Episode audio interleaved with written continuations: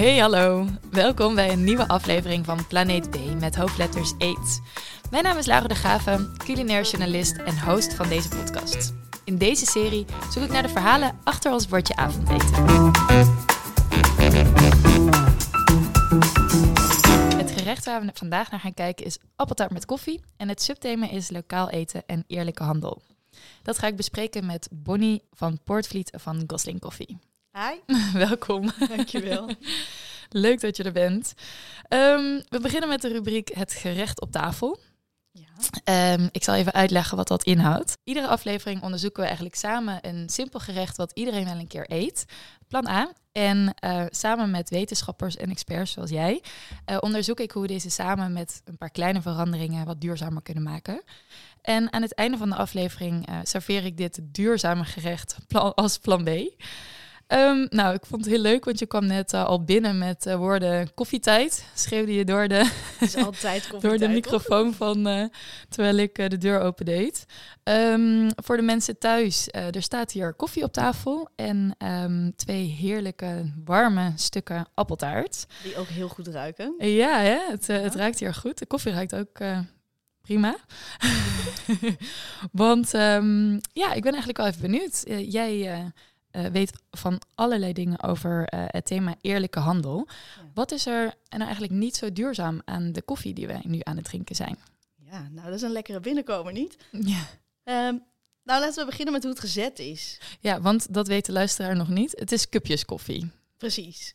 En dat is eigenlijk ook meteen het probleem wat mij betreft. Of in ieder geval één van de problemen. Ik zou zelf namelijk nooit gaan voor een cupje. Want waarom zouden we per kopje gaan verpakken? Uh, er is al zoveel verpakking in deze wereld te veel. Uh, dus om dan ook nog per kopje te gaan verpakken, dat vind ik een beetje zonde. Uh, en daarnaast moeten we het volgens mij vooral gaan proeven. en dan komen we erachter okay. hoe het smaakt. Nou. Nou. Ja. Vertel. ja, ja, ja, ja, ik denk dat de gemiddelde Nederlander denkt, prima. Dit is hoe we koffie kennen. Dit is hoe we koffie kennen, ja. ja precies. Ja, dat denk ik namelijk ook. Wat ik wel ook proef, is dat het een beetje een bittere nasmaak heeft. Ja. Uh, en dan bedoel ik dat niet alleen maar in de letterlijke zin van het woord qua smaak, maar wat mij betreft ook uh, qua product. Hè? Want wie heeft deze koffie nu eigenlijk geproduceerd? Weten we dat? Volgens mij niet. Nee, en wat heeft hij daarvoor idee. gekregen? En wie zit daar nog meer in die keten? En dat is ook het, precies het probleem uh, waar ik al een tijd tegenaan loop en waar ik graag iets aan wilde doen. Um, omdat die transparantie daar totaal niet is. Dus hoe weet je dan, zeker nu eigenlijk ieder koffiebedrijf wel pretendeert duurzaam te zijn, dat het ook daadwerkelijk eerlijk en duurzaam is? Ja, hele goede vraag. Um, dan wil ik wel even schieten op de appeltaart. Want um, voor de mensen die mij een beetje kennen, die weten wel dat ik heel erg hou van uh, lokale producten. En um, de, ik zou eigenlijk deze appeltaart, ik heb hem wel zelf gebakken. Uh, maar ik zou hem eigenlijk nooit zo maken zoals hij hier nu voor ons staat. Uh, ik heb namelijk appels uit Chili gebruikt, Royal Gala en um, bloem uh, van 49 cent. Ik heb even achter op de verpakking wow. gekeken in de supermarkt waar die precies vandaan kwam. Maar het staat er niet eens op, nee. um, in één, één ding is wel zeker, niet uit Nederland. En het, ja, ik, ik weet eigenlijk ook wel vrijwel zeker dat de boer ook hier geen goede prijs voor heeft gekregen. Het kan dus gewoon niet, hè? Nee. Ik bedoel, als wij zelf al kunnen bedenken dat voor 49 cent een pak bloem gewoon niet kan, nee. dan kan het dus ook niet.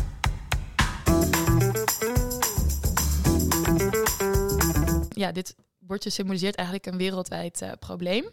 Um, mijn uh, motto is eigenlijk altijd zo dichtbij als mogelijk, zo ver weg als nodig. Maar ja, sommige producten zoals koffie, kokos, uh, noem het op, rijst, uh, cacao, dat kan nou eenmaal niet in Nederland verbouwd worden. Gelukkig ook niet. Hè? Ik bedoel, dat moeten we ook zeker niet willen, want dan zijn we echt ver, ver te laat qua klimaat. Ja, en um, jij bent expert als het gaat om het, uh, op het gebied van koffie.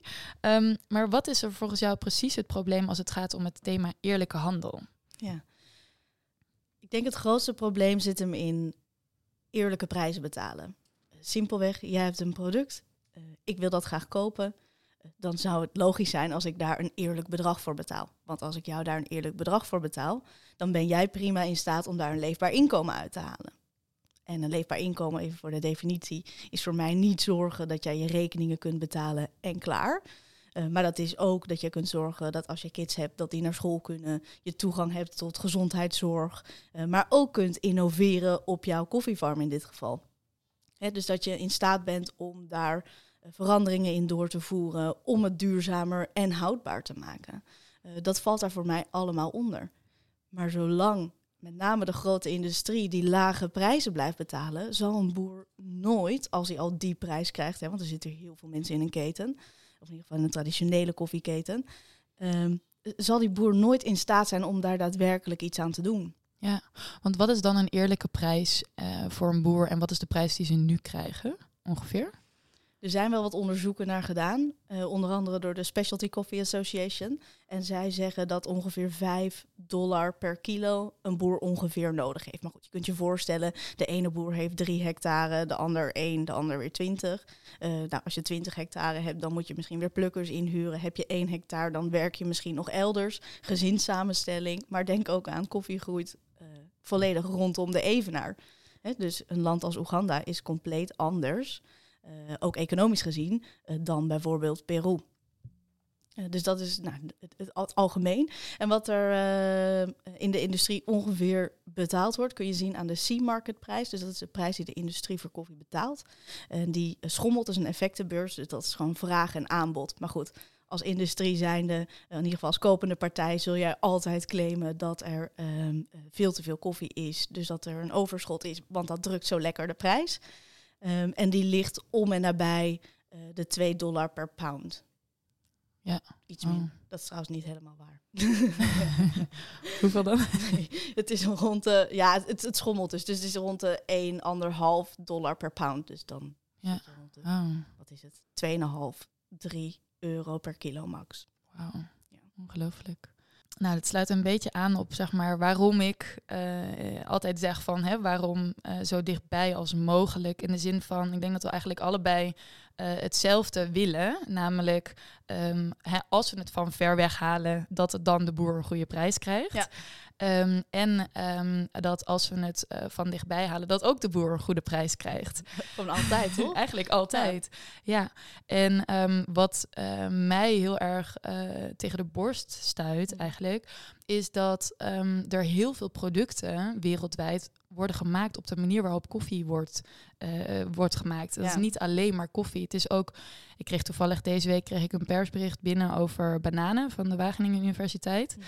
En um, zij gaven eigenlijk aan dat bananen een van de minst duurzame gewassen is.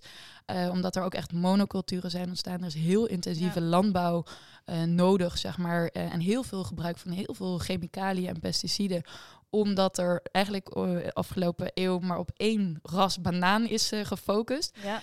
Dus mensen moeten volgens mij iets tussen de 40 en 65 keer moeten boeren spuiten op die bananen om die ja. nog een soort van uh, goed te krijgen.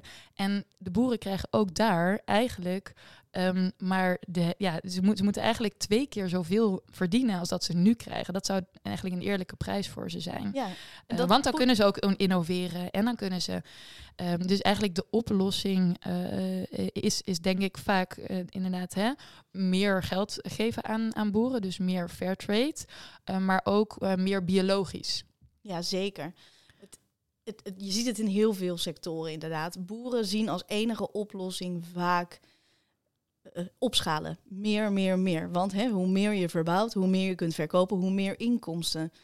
Um, terwijl dat is niet omdat ze niks anders kunnen bedenken, maar omdat de industrie, uh, hè, de, hun kopende partijen, hen daarin dwingt. Ja. Als je uh, namelijk een hogere prijs betaalt, dan mag je daar ook een hoge kwaliteit, produ kwalitatief product voor verwachten. Um, en dus hoef je ook minder te verbouwen om daar inderdaad een leefbaar inkomen uit te halen. Ja. En ik denk dat je dat inderdaad, nou, je noemt het al bananen, maar ook thee, cacao, noem maar op. Maar ook hier in Nederland. Ik denk dat wij uh, helaas toch wel een groot voorbeeld zijn van uh, monocultuur. En dat dat dus niet altijd werkt. Ja. eigenlijk helemaal niet. Ja. Ja, en tegelijkertijd, um, uh, wat ik ook wat ik, wat ik uh, graag wil delen, is dat um, ik uh, ben, heb een Nederland kookboek geschreven. En daarvoor ben ik twee jaar lang op mijn elektrische motor door Nederland gecrossed, langs allerlei boeren en producenten en chefs. En um, ik heb daar gezien, inderdaad, aan de ene kant dat we echt heel veel, eh, wel, ja, toch wel monocultuur hebben. Maar aan de andere kant ook wel echt heel veel hele mooie producten.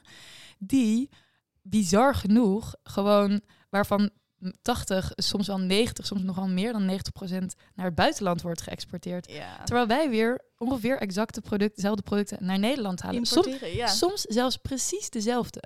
Ik heb echt, je hebt bijvoorbeeld, een voorbeeld daarvan is ehm, uien. Wij halen uien uit eh, Nieuw-Zeeland, terwijl onze uien naar Zuid-Afrika toe gaan. Nee joh. Ehm, ik, ben, ja, het- ik ben echt de gekste dingen tegengekomen. Ik was op een gegeven moment eh, bij een boer in de Flevopolder. En ehm, die, eh, die vertelde van, uh, Brin die teelde verse knoflook. En die zei van, verse knoflook, hè, dat is echt super lekkere knoflook. Die Ja. zei, meer dan 90% van mijn knoflook gaat naar het buitenland. En dat terwijl wij dus in de Nederlandse supermarkt allemaal aan die oude bolletjes uit China hebben liggen. Die gewoon echt al maanden oud zijn. Ja.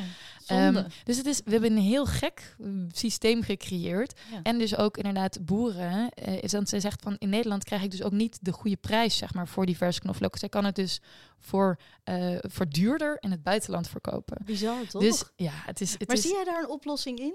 ja, ik, ik denk dat, dat wij echt meer moeten gaan betalen voor ons eten. En dat, dat, eh, dat, we ons, dat het een, een stukje bewustwording is voor, voor de mensen. eh, dat ze dit weten. En dus ook ja, iets bereid zijn om iets meer te betalen voor, eh, voor duurzame producten. Ja. Ligt dat dan vooral lukken. bij de consument die dan bereid moet zijn om meer te betalen? Nou, of bij de retailer bijvoorbeeld? Ja, nou, ik denk sowieso dat de retailer en ook de overheid, dat hier gewoon subsidies voor moeten komen. Weet je, dat, dat, dat, dat er eerst en dat de retailer ook de keuze moet maken om dus te kiezen van, ik leg alleen maar diverse knoflook van die boerin uit Flevopolder in de supermarkt in Flevoland, liefst nog zo, zo lokaal mogelijk. En ik stop met het, ehm, het in laten vliegen of, eh, nou, Lidl is daar bijvoorbeeld nu Ja. mee gestopt, hè? Die is eh, gestopt met het invliegen van, ehm, eh, van producten. En ik denk dat dat keuzes zijn die, die inderdaad de retailer moet maken. Ehm, en eh, ja, we moeten het allemaal samen doen. Ik denk op ieder level in de, in de maatschappij. Ja. Dus, Laten we ze ehm, verleiden. laten we ze verleiden. En dat doen we natuurlijk met lekker eten. Sowieso. Zullen we een hapje nemen? ja. Ik ben wel benieuwd wat je vindt van de, van de appel uit eh, Chili. Nu ben ik natuurlijk geen expert op het gebied van appels. Maar hij is best lekker. Hij is Toch? best wel Ja. lekker. Maar ik moet toch zeggen dat hè, met het verhaal wat je daarbij vertelt, blijft toch een beetje die bittere nasmaak. Ja, Want dat is een super zoete, eh, sappige appel. ja. Ehm, maar je, ik denk, en in ieder geval dat merk ik in mijn eigen eetpatroon, dat ik dingen gewoon eh, minder lekker vind, omdat ik het verhaal erachter ken. Ja. Dat is zonde. Zeker als er een oplossing is, als er hier gewoon een appelboer om de hoek zit. Of eh, Ja. hè, de mevrouw met de knoflook eh, die ook om de hoek zit. Ja, klopt. Ja, en wat dat leuk is ook, dat op het moment dat je dus ook iets verder kijkt dan de supermarkt, hè, naar de, het aanbod van de supermarkt, sowieso liggen daar maar een paar rassen uit Nederland. En dan dus uit Chili en Nieuw-Zeeland en eh, waar dan ook, heel gek. Ehm, is dat er eigenlijk, we hebben gewoon meer dan 30 rassen, appelrassen in Nederland. Dus het is het niet dat ze hier niet biodivers. groeien. Ze zijn er wel, weet je. En als je dus ook naar zo'n boer gaat, wat we zo meteen het plan B eh, gaan ontdekken, ehm, dan, eh, dan zal je echt zien dat er dat daar, ja, dat op het moment dat je ook kiest voor, voor lokale producten, dat is ook die biodiversiteit. eh, je eigenlijk kiest ook voor, voor meer die biodiversiteit in het landschap. Ja. Ja, even voor de luisteraar die niet weet, precies weet wat monocultuur is.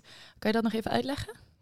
Ja, in koffie is het, eh, nou het is eigenlijk in het algemeen eh, zo dat je maar één gewas verbouwt. Dus in mijn sector is dat dan eh, koffie. En alleen maar koffie. Ehm, waarbij je dus niet daar nog andere gewassen tussen hebt staan. Er wordt nu ook heel erg geëxperimenteerd eh, met ehm, eh, bonen eh, groeien tussen koffie. Om te zorgen dat de grond water vasthoudt.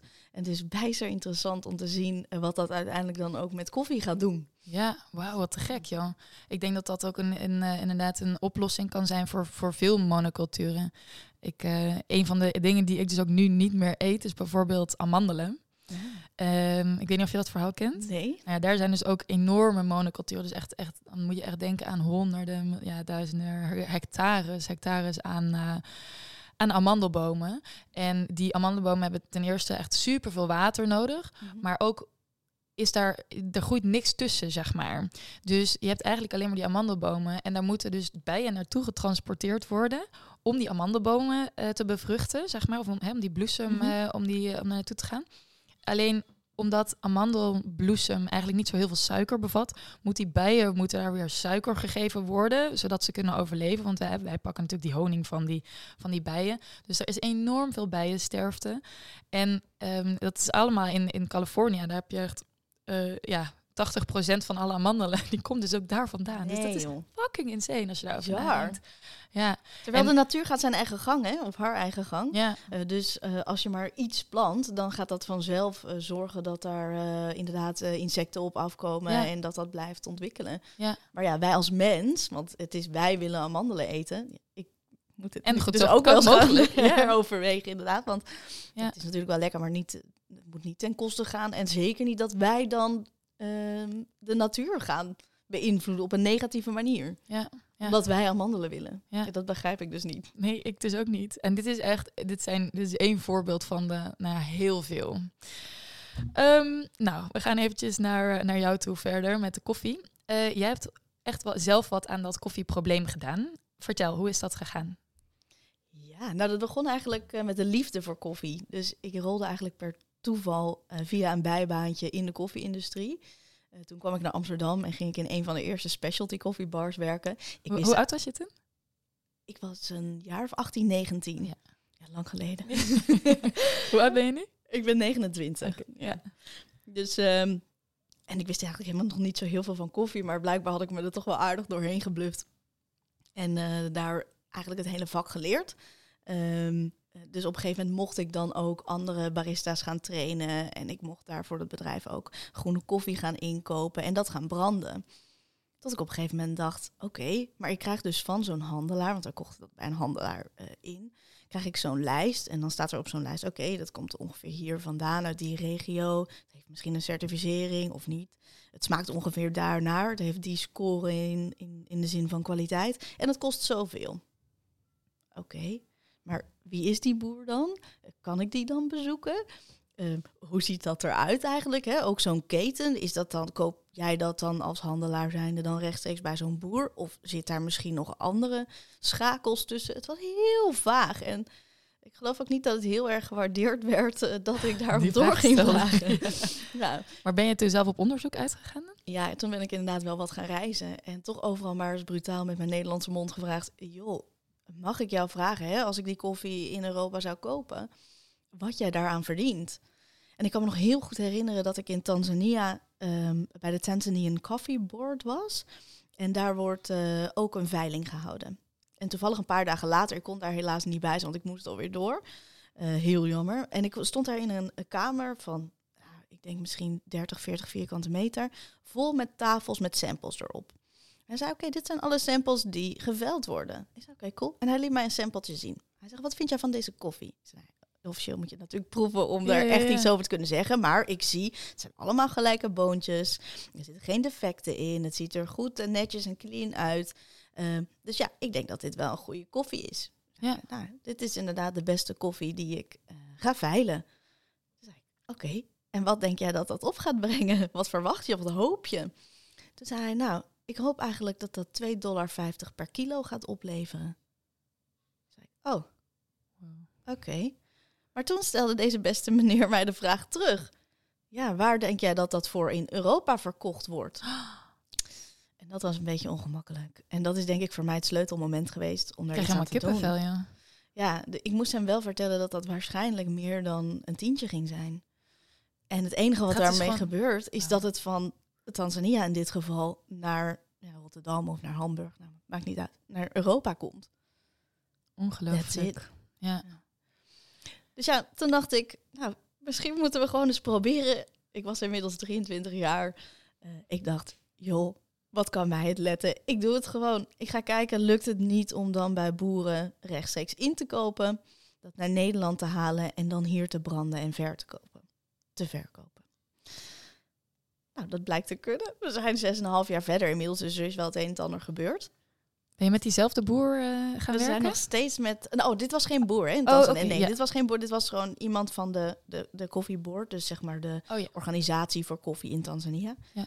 Ehm, maar ik belandde per toeval in Oeganda terecht, niet heel veel later. Ik denk een halfjaartje later of zo. En ik was ehm, daar nog nooit geweest. En ik kwam daar en ik werd eigenlijk per slag verliefd op het land en op de mensen. En ik had nog nooit zoveel kleuren groen in mijn leven gezien. En ik dacht, dit is wat. En toen ging ik naar de Rwenzori Mountains in het westen tegen de grens met Congo aan. En daar kwam ik bij een groep boeren terecht. En een van de eerste dingen die zij tegen mij zeiden is... Bonnie, onwijs leuk dat je er bent. Maar help ons om die koffie aan de man te krijgen. Want één iemand binnen onze, dat was destijds nog een coöperatie... Uh, persoon heeft maar een paspoort. Dus één iemand is daadwerkelijk in staat om te reizen. Um, dus help ons om dat woord te verspreiden. We zijn er klaar voor. Tuurlijk, we kunnen altijd beter. Wij willen ook beter. Maar we hebben iemand nodig die dat uh, de bühne overbrengt. En ik denk dat ik achteraf, uh, destijds niet heel bewust, daar besloten heb: oké, dit wordt mijn missie, dit ga ik doen. Ja. En dus had ik 4000 euro spaargeld. Daar heb ik de eerste koffie van gekocht. En nog heel lief um, een handelaar uit Londen die dan mijn koffie in zijn container mee wilde nemen. Oh, wat cool. en um, zo zijn we begonnen. Wauw. Ja. En nu? Hoeveel koffie haal je nu naar Nederland? Uh, wij branden ongeveer 35.000 kilo per jaar. En wij kopen in vijf verschillende origines. Dus we groeien nu richting volle containers toe. En dat is wel heel erg gaaf. Dat had ik toen ook niet gedacht. Ik wist wel dat het nodig was, want het maakt het leven gewoon zoveel makkelijker als je volle containers hebt. Enerzijds omdat we zijn een sociale onderneming, wij willen impact maken. Dat doen we door zoveel mogelijk groene koffie tegen een eerlijke prijs in te kopen. Dus ja. die volumes heb je gewoon nodig. Um, en anderzijds is het gewoon ook uh, wel zo duurzaam om een volle container te transporteren. En maakt het het leven ook gewoon makkelijker. Ja. Uh, dat je niet moet kijken, oh, ik heb hier uh, inderdaad, net zoals we begonnen met, die, ja. met, dat eerste pelletje koffie. Van, oh, hoe gaan we die nou weer naar Nederland krijgen, weet je wel? Ja. Dus ja. Wauw. is wel wat, wat gebeurd. Ja. Um, hey, en je, je koopt niet alleen maar de koffie in daar. Je bent ook allemaal met projecten bezig in die landen. Kan je daar iets over vertellen? Ja, kijk, ik geloof erin dat het allemaal begint bij een eerlijke prijs. Dus hè, als je inderdaad iemand een daadwerkelijk goede prijs betaalt, kan die daarvan leven. Maar ik denk wel dat we een behoorlijke inhaalslag te maken hebben. Hè. Dus omdat de industrie eigenlijk sinds 2014 ongeveer onder kostprijs betaalt. Nou goed, ik hoef geen enkele ondernemer, maar ook geen weldenkend mens uit te leggen dat als je geld moet toeleggen op iets dat jij verkoopt, dat je dat niet heel lang volhoudt. Uh, dus daarom hebben wij gezegd, oké, los van dat we dus die eerlijke prijs betalen, uh, willen wij projecten doen. En dan focussen we ons op twee dingen. Eén, uh, dat is koffie gerelateerd. dus zorgen dat het, de kwaliteit van de koffie omhoog gaat. Want hoe hoger de kwaliteit van de koffie, hoe hoger de prijs die wij betalen. Maar ook andere kopers. Ik bedoel, wij zijn niet altijd de enige koper van zo'n boer of een groep boeren. Gelukkig ook maar. Ik bedoel, wij als onderneming verkopen ook niet maar aan één partij, want dat is gewoon behoorlijk risicovol. Um, en anderzijds focussen wij ons op scholing, omdat we ook zien dat het op dit moment gewoon nog niet interessant of interessant genoeg is voor volgende generaties koffieboeren om überhaupt koffieboer te worden. Dus daar waar jouw ouders nu een uh, koffieplantage hebben en daarvan proberen rond te komen uh, behoorlijk veel moeite voor moeten doen. Zijn er veel makkelijkere manieren tegenwoordig om in koffieproducerende landen geld te verdienen? Zoals? Bijvoorbeeld uh, motortaxi rijden. Oh. Levensgevaarlijk. Ja. Uh, maar je kunt een soort lening krijgen voor zo'n brommertje. Ja. Ik vraag me af of ze een rijbewijs hebben. Dat heb ik eigenlijk nooit gevraagd. ik heb er wel een keer op gezeten. Um, heel duidelijk gemaakt dat hij vooral heel rustig moest rijden.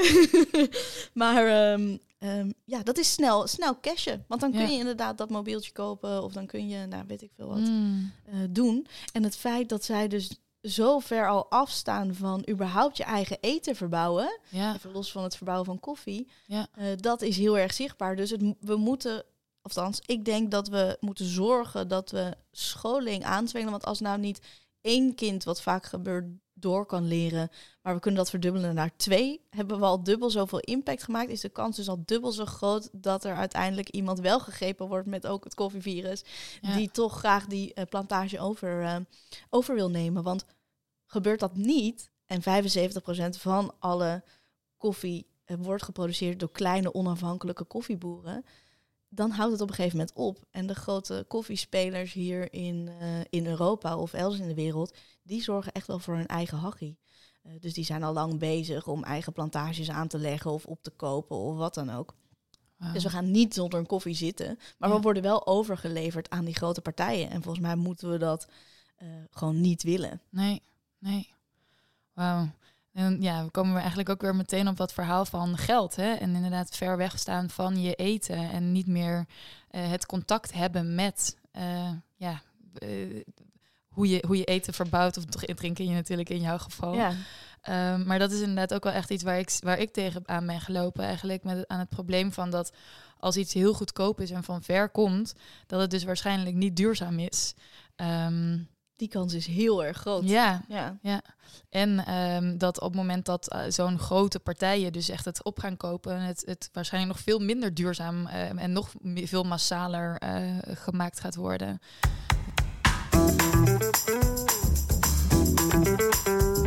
Maar goed, ik leerde jou kennen uh, door jouw kookboek. En omdat ik uh, overal voorbij zag komen dat jij op jouw elektrische motor uh, als een chick door het land heen, heen scheurde. Waar ik je overigens echt voor bewonder. Um, maar waar is dat nou voor jou ontstaan? Wanneer dacht jij, het moet anders? Ja, dat is wel een grappige vraag. Want um, ik, voordat ik dat boek begon te maken, wist ik eigenlijk helemaal niet zo heel erg veel van het eten in Nederland. Het was eigenlijk een beetje meer als een soort grapje ontstaan. Ik uh, had het Amsterdam kookboek gemaakt en daar moest ik per se op de cover uh, en, en ja, van, van dat boek staan op mijn fiets. En um, uh, dat wilde ik eigenlijk in de eerste instantie helemaal niet. Maar goed, we schoten maar geen foto.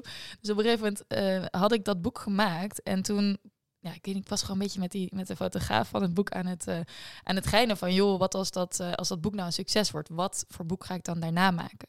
En ik was toen net op dat moment mijn motorrijbewijs aan het halen. En um, ik zei toen eigenlijk uit een soort grapje van, nou dan ga ik op een elektrische motor door Nederland rijden. Um, ik had ook nog, helemaal geen elektrische motor. Uh, maar goed, die heb ik, die heb ik toen gefixt. En um, toen ben ik dus door Nederland gaan reizen. En het moment waarop ik, uh, waarop voor mij eigenlijk, dus eigenlijk ja, wat, jij, wat jij net ook vertelt over je missie, zeg maar, die ontstaan is. Voor mij was het moment dat dat ontstond, dat ik echt met boeren aan het praten was. Die mij dus echt vertelden van, ja, uh, ik krijg geen eerlijke prijs voor mijn producten. Uh, meer dan 90% van mijn producten gaan naar het buitenland. En dat was echt van, van visboer tot, uh, tot kaasboer, tot groenteboer, tot, tot slager. Iedereen vertelde mij datzelfde verhaal. En toen dacht ik echt, wauw, wat zijn wij ver verwijderd geraakt van ons eten. Ja. En um, waar, wat is het belangrijk dat we weer die connectie krijgen met ons eten. En dat we weer weten hoe het geproduceerd is. Dat er geen misstanden hebben plaatsgevonden, geen ontbossing, geen monoculturen, geen um, uitputting van de bodem. En ja, dat, dat raakte me gewoon echt ontzettend. En um, uh, toen is eigenlijk die, ja, die, die missie, maar ik pak hem altijd heel erg, probeer altijd heel positief te pakken. Mm -hmm. um, dat ik dan laat zien van, aan mensen van, kijk eens wat voor prachtige producten we in Nederland allemaal hebben. Ja. En, um, en als, die, als je dus ze niet uit Nederland kan halen, dan vind ik het super tof om te laten zien van, hoe kan je ze dan wel, als je ze van ver haalt? Hoe, hè, zoals bijvoorbeeld jouw koffie. Ja, dat vind ik een fantastisch verhaal, weet je. Dat zijn de verhalen die ik graag wil vertellen als uh, culinair journalist. En waarvan ik vind dat ik, ik, denk zeg maar dat mensen hun eten gewoontes veranderen op het moment dat ze het verhaal erachter kennen. Dus uh, dat is eigenlijk mijn missie geworden. Gewoon verhalen vertellen achter eten. En mensen enthousiast maken om, uh, ja, om te kiezen voor de juiste producten. Ja, nou, dat is in ieder geval bij mij wel gelukt. Yay! Voor mijn plan B uh, ging ik op zoek bij Ilke ten Broeke van de Fruitloods op landgoed Olmenhorst. Um, en dat is een landgoed met een gigantische appelgaard. Laten we gaan luisteren.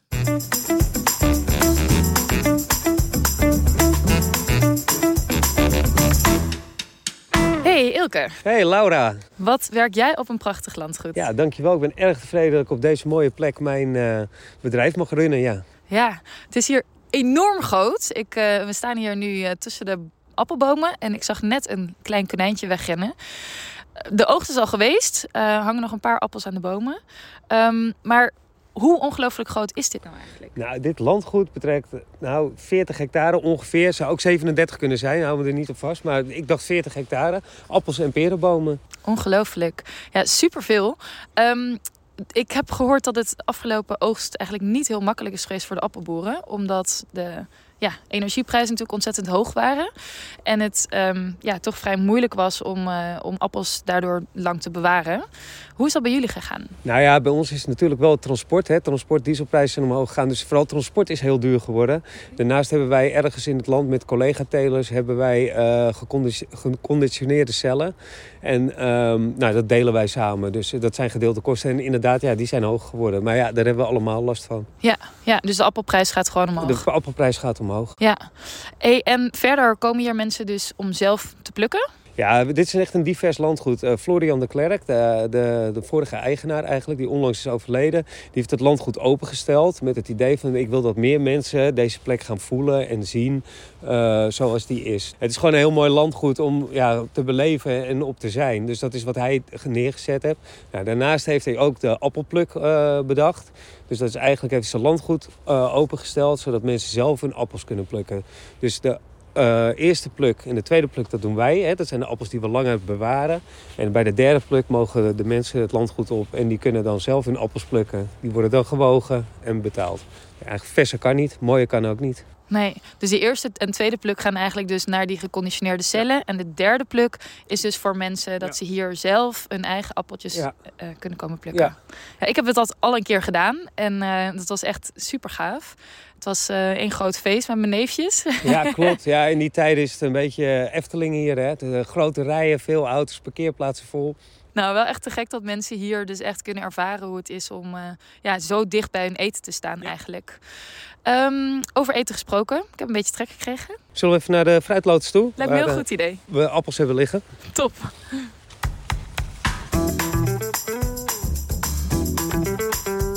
Nou, we komen nu aan bij een uh, grote ja, soort hoevenboerderij. Wat is het eigenlijk precies, Ilke? Nou, het is, het is een heel mooi oud pand uh, waar vroeger het fruit gesorteerd werd.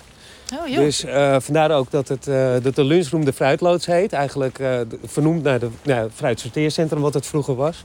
Je kan ook zien, we hebben heel erg veel oude zinken, oude koelcellen die we niet meer gebruiken. En daar ja, hebben we zitjes in gemaakt en kan je gewoon lekker zitten.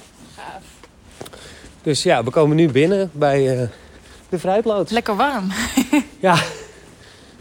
Hey, en waar liggen dan nu precies die appels? Nou, we hebben de appels die hebben we opgeslagen. Nou, de, alle appels staan opgeslagen in andere koelcellen. Die staan op andere, uh, ergens anders in het bedrijf. Ja? Omdat hier te veel wisseling van temperatuur is. Lucht, deur gaat open en dicht. Maar uh, we hebben hier uh, onze appels liggen. Oh. En die komen van ons eigen landgoed. Ik zie allemaal verschillende soorten. Gouderen net, Elstar, Topaz, Santana. Ja. Wauw, dat komt hier allemaal gewoon van het landgoed. Dit komt allemaal rechtstreeks van de bomen van dit landgoed af. Hey, en welke is nou volgens jou het beste om uh, appeltaart mee te maken? Waar zat jij zelf aan te denken? Wat denk jij wat het beste is om appeltaart mee te maken? Gewoon puur blank. Je ziet allemaal namen staan, ja. kies wat. Nou, uh, ik weet dat heel veel mensen gouderen net pakken. Maar heel eerlijk vind ik zelf altijd Elstar erg, erg lekker. Ja, eigenlijk vindt iedereen de Elstar altijd het lekkerst. Um, die is ook heel erg lekker. Maar ik zelf vind de Santana vind ik een prachtige mooie appel. Uh, is een lekker zure appel, vrij stevig. Uh, Topaz wordt ook heel veel gebruikt. Is iets wat zachter. Maar ook een perfecte appel die zich goed leent voor een appeltaart. Wel gaaf ook, want ik heb nog nooit Santana of Topaz in een supermarkt gezien. Nee, dat is ook wel heel grappig. Dat komt omdat iedereen Elster zegt altijd. Ja. De supermarkt is alleen maar geïnteresseerd in wat mensen het liefst willen. Dus eigenlijk is het ook gewoon goed voor de biodiversiteit. Als mensen hier een lekker lokaal appeltje komen Het is gewoon fijn als mensen wat bewuster worden van wat er allemaal is. Ja. nou, ik wil er wel een proeven. Ja, dat mag. Welke wil je proeven? Ja, dan ga ik natuurlijk voor jou Santana. Ja, dat is een goede keus. Pak maar. Nou jongens, ik pak hier een heerlijk geel-rood appeltje uit de koeling. Ondertussen, terwijl ik aan het eten ben, een vraag aan jou nog. Waarom is het voor jullie zo belangrijk dat mensen lokaal kopen? Nou, nee, wat belangrijk is dat mensen lokaal worden... is dat mensen wat meer weten wat, uh, wat, er, wat er speelt eigenlijk. Hè? Wat is een appel uh, die in de koelcel ligt? Waar komt dat vandaan? Hoe groeit dat aan de boom? Wat, wat, hoe maak je... Ja, waar, ja, wie is er mee bezig geweest? Het hele verhaal eromheen, dat zijn we allemaal vergeten. We lopen in de supermarkt langs de schappen, we nemen het mee. Vergeet helemaal, ja, weet je wel, het is helemaal, er zit geen liefde meer in. Het is gewoon iets wat je pakt. Ja. En ook wat bederft. maar niet... Weet je wel, er zijn heel veel handelingen aan vooraf gegaan. Ja. Nou, Dus, dus bewustwording van de mens is echt heel belangrijk. Ja, nou, ik ben al een stukje bewuster geworden. Ehm, ondertussen heb ik een eh, heerlijke hap van deze prachtige goud Santana-appel gegeten. Ehm, super lekker. Hij is ontzettend, ja, wat je zei, inderdaad knapperig, zoet. Eigenlijk vind ik hem misschien nog wel lekkerder dan Elstar. Ja, het is mijn favorite. Hè. Ik bedoel, ik zeg dus- het niet voor niks. Ja, maar hij is ook goed in appeltaart. Ja, zeker. Ja, ja. ja, ik zit nu een beetje te twijfelen, maar ja, ik zou hem, eh, doe die voor de appeltaart ja, of de topas. Maar Oké, nou, ik... eh, doe de Santana, want dan eh, kan je meteen zeggen dat eh, ook mensen die allergisch zijn voor appels, deze appeltaart kunnen eten. Oh, want de Santana kan je eten als je allergisch bent. Ja, je hebt mensen die allergisch zijn voor appels, maar de Santana kunnen ze wel eten. Nice. Nou, hij smaakt echt totaal anders dan eh, de appel uit eh, Nieuw-Zeeland. Ik, eh, in Ja, maar hij is net eh, geoogst, dus hij is super, super vers. Ja, super bedankt voor het proeven van deze heerlijke appel. Eh, zou ik misschien nog wat appels mee mogen nemen eh, Zeker voor mijn plan B appeltaart? Ja, dat mag. Top. Nou, zullen we een zakje vullen? Ja, zeker. Oh, dat is goed. Je hebt ook gewoon een eh linnen tasje van Ja, de Olmhorst. natuurlijk. Van de Olmhorst. Hè? Nou, top. Dankjewel. Een hele zak vol eh, met appels krijg ik van jou. ja, ja, een kilootje, wat wil je? Nou, genoeg voor mijn appeltaart. Dankjewel. Nou, graag gedaan. Veel plezier eh, met de appels. En ik ben erg benieuwd hoe ze bevallen in de appeltaart. Ik, ik ben wel benieuwd. Herken jij ditzelfde, dit soortzelfde gesprekken met eh, koffieboeren? Absoluut. Ja.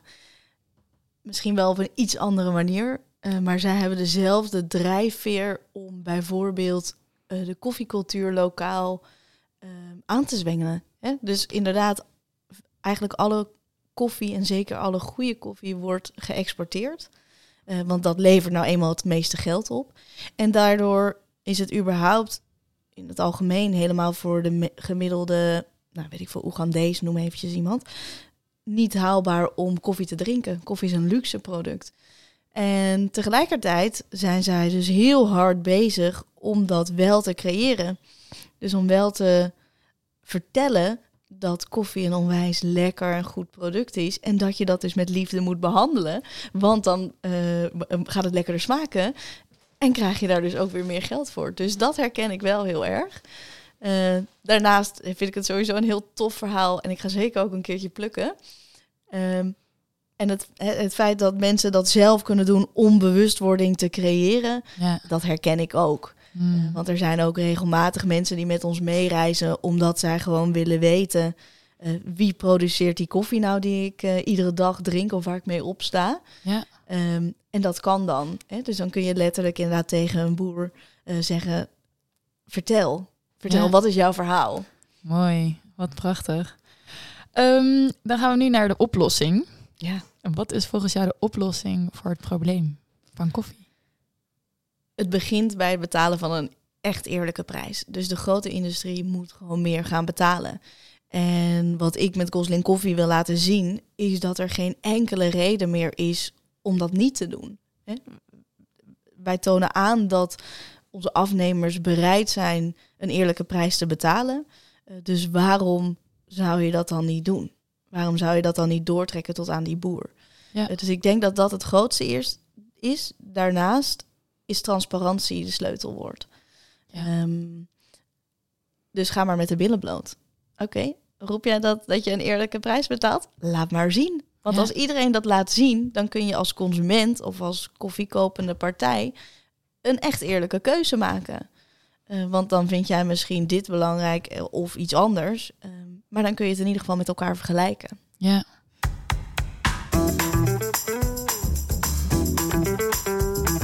Wat is volgens jou het, eh, de oplossing voor het probleem van lokaal eten? Wat kunnen mensen doen? Nou, ten eerste is natuurlijk mijn motto zo dichtbij als mogelijk, zo ver weg als nodig. Ehm, maar als je dus zo dichtbij eh, als mogelijk koopt, ehm, ja, wat kan je allemaal doen? Je kan, eh, wat ik altijd heel leuk vind, is als ik eh, op mijn elektrische motor zo door Nederland aan het rijden ben en dan zie ik ergens een bordje langs de weg met ja, aardbeien, verse aardbeien. En het is nu natuurlijk winter, dus dat is natuurlijk niet, maar ook rauwe melk of dat soort dingen. Dan, of aardappels. En dan, dan trap ik altijd gewoon gelijk op mijn Op rem. rem. Ja. En dan, eh, dan ga ik even langs. Dat doe ik altijd. Daar krijg je toch ook gewoon spontaan Ja. trek van? Dat is geweldig. En dan spreek je dus ook die boer. Ja. En die dan ook helemaal, helemaal vaak gaat vertellen wat je er dan mee kan. Zoals nu net ook, hè, die appelboer dan helemaal gaat vertellen en zijn, zijn, nieuw, zijn Santana appelras gaat promoten. En dan vind ik, ik kan daar heel gelukkig van worden. Ehm, maar ja, je kan verder, wat ik ook vaak uh, doe, is naar de boerenmarkt toe gaan. Ik ga zelf uh, vaak naar de Noordermarkt hier in Amsterdam. Uh, maar in principe elke boerenmarkt is super leuk. Um, en uh, daarnaast, ja, ik deed het natuurlijk al met, uh, met de appels naar een pluktuin gaan, is echt fantastisch. Zeker met kinderen. Het is echt een, uh, een aanrader. Um, en als ik dan naar de supermarkt toe ga, dan ga ik het liefst naar een biologische supermarkt toe, maar ik ga ook wel eens naar de gewone supermarkt. En wat ik dan altijd doe, is ik kijk altijd waar mijn eten vandaan komt. En op heel veel verse producten met groente en fruit staat het eigenlijk, moet het eigenlijk altijd vermeld staan. Um, dus ik kijk altijd bij mijn appels, waar komen ze vandaan? En, um, en laat je ze dan ook liggen als je denkt... Ja, zeker. Ja, ja, ja. Die, die, appels die ik nu in plan A appeltaart heb gedaan, ja, dat koop ik nooit. Die en komen dat, er niet meer in. Die komen er niet meer in, inderdaad. Het, ik vind het ook eigenlijk... Ik dacht ook eigenlijk, waarom heb ik ze gekocht? Ik had net zo goed andere appels erin kunnen doen. Maar het is wel ook voor de smaak wel even belangrijk dat we dat niet proeven. Um, en uh, wat ik ook vaak doe is uh, in de supermarkt uh, kijken bij diepvries en conserven. want Nederlandse producten uit die schappen zijn vaak beter voor het milieu dan ingevlogen producten uit het buitenland. Ah, goede tip. Ja. Um, en dan tot slot, ja, ik ga maar door. maar wild plukken vind ik ook echt heel leuk. Ja. echt helemaal fantastisch. En het is nu ook al een beetje rage aan het worden hè, met Yvette van Boven die er helemaal een boek over heeft geschreven. We moeten uitkijken dat we natuurlijk de natuur niet helemaal leeg houden maar zolang je dat met beleid doet, is dat uh, ook heel erg leuk. En um, je kan ook zelf herenboer worden. Dus uh, dan uh, ja, heb je eigenlijk een, een boer die zeg maar voor jou het je eten gaat verbouwen. En dan doe je dat met een groep mensen samen. Dus dat is ook nog een leuke manier om dichter bij je eten te komen staan. Ja. Um, nou, en ik, volgens mij, er zijn tegenwoordig ook wel een aantal platforms dat mocht je nou zeggen, oké, okay, ik heb echt niet de tijd om langs allerlei verschillende boeren te gaan uh, en daar alles op te halen. Zijn er ook wel een aantal online platforms waar je gewoon wekelijks je boodschappen kunt doen bij de boer online en het dan bij jou in de buurt op kunt halen. Hele goede aanvulling, die was ik nog even vergeten. Uh, ja, inderdaad. Ik ben echt helemaal fan van uh, boerschappen. Ken je dat? Ja. Uh, de Krat is een superleuke. Ik koop ook vaak mijn, mijn boodschappen via het Lindenhof. Dat is een boerderij hier in Baanbrugge. En uh, crisp, uh, daar kan je ook precies zien, waar het ja. vandaan komt. Klopt. En ik heb er ook nog wel eentje, misschien ja? ken je die nog niet. Boerenburen heten. Ja, die ken, ken ik ook. Ja. ja. dat is superleuk. Maar vooral ook omdat daar de boer de prijs bepaalt. Hè, dus uh, die boer zegt, oké, okay, ik, ik heb dit nodig voor mijn product. En daar komen dan nog commissies voor de organisaties bovenop. Logisch, want zij doen daar ook werk voor. Maar er is dus niemand die zegt, nee, jouw appels mogen maar, weet ik veel, 2 euro per kilo kosten. Nee, dat bepaalt die boer zelf. Ja. En dat vind ik vooral tof daaraan. Ja, zo moet het gewoon zijn. Precies. Oké, okay, dan gaan we door naar uh, plan B, het duurzame recept.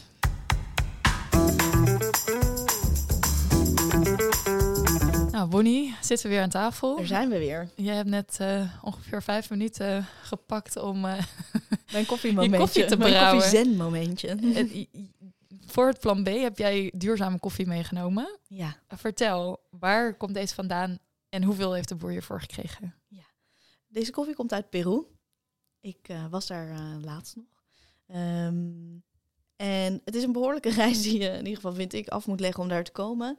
En dat uh, geeft ook wel aan dat um, nou ja, boeren het, wat ik al eerder zei, hè, lastig vinden om, om zichzelf te vermarkten. Hè, de, de de, de access to market is gewoon is, is lastig.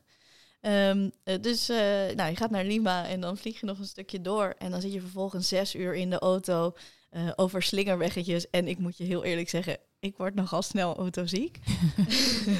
dus je moet er wat voor over hebben. Maar dan kom je echt in een prachtige omgeving uh, in Cajamarca.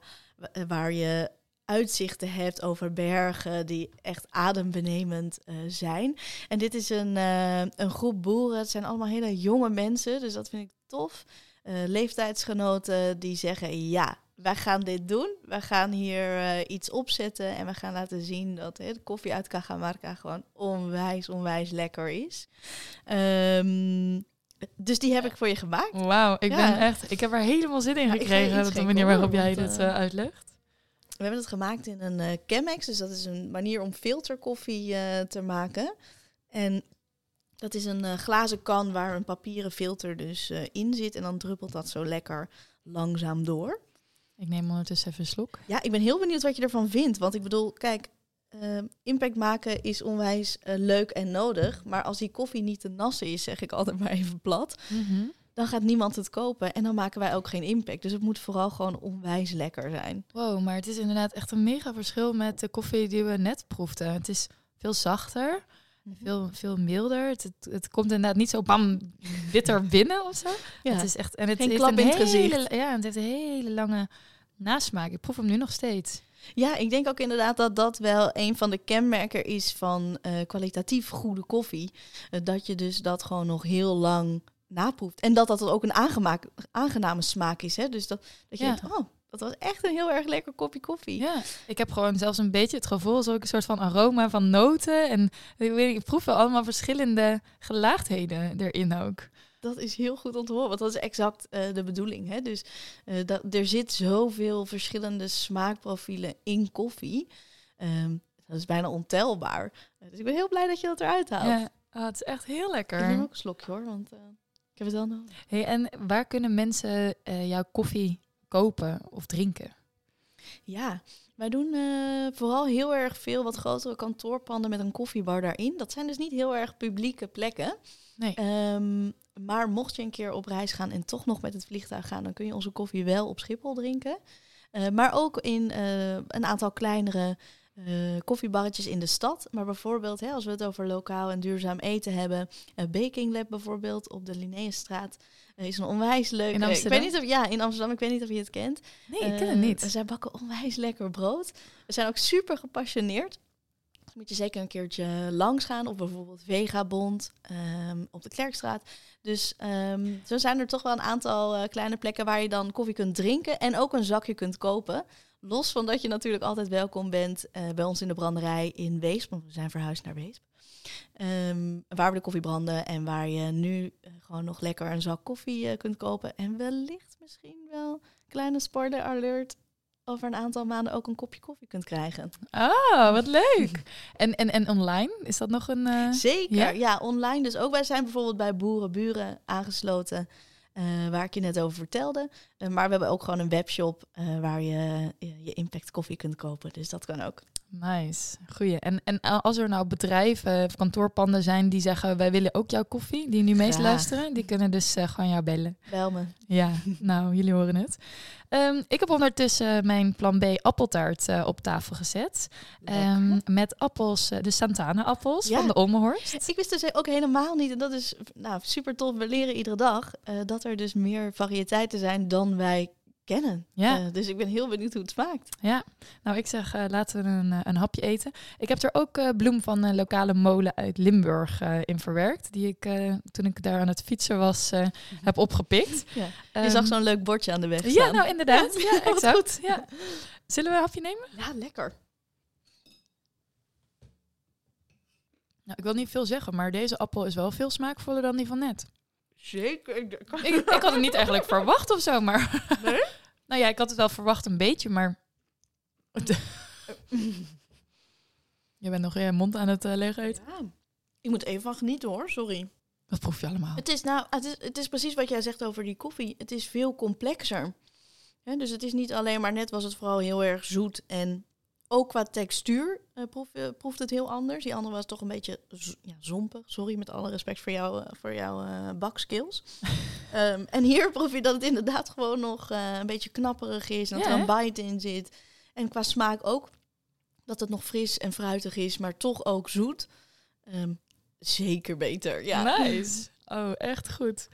Wauw. Ja, ik, ik, ik, ik drink en eet plan B wel echt met een veel beter en ehm, ja, gevoel eigenlijk. Heb jij, jij hebt dat ook, denk ik. Absoluut, Ja. absoluut. En ik hoop dat we hiermee dan ook mensen geïnspireerd hebben hè, om het anders te gaan doen. Ja, Ehm, dus ga lekker die appels plukken. eh, eh, koop koffie en ehm, bij, eh, bij Bonnie. liefst natuurlijk bij mij ja, of bij ons. Is, ja. Ik ben niet alleen. En maak daarmee impact. Want uiteindelijk, als je iets koopt dat met liefde is gemaakt, ga je dat dus ook proeven. mocht je het recept nou willen, die staat in mijn Amsterdam kookboek.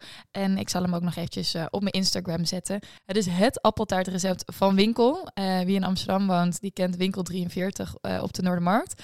Um, dus um, ja, heel lekker. Bonnie, dankjewel voor je fantastische inbreng en voor alle kennis uh, die je zojuist op tafel hebt gegooid. En lieve luisteraar, blijf vooral ook luisteren, want in de volgende aflevering ga ik in op het thema seizoensgewonden. En gaan we kijken hoe we soep een beetje duurzamer kunnen maken. Stay tuned!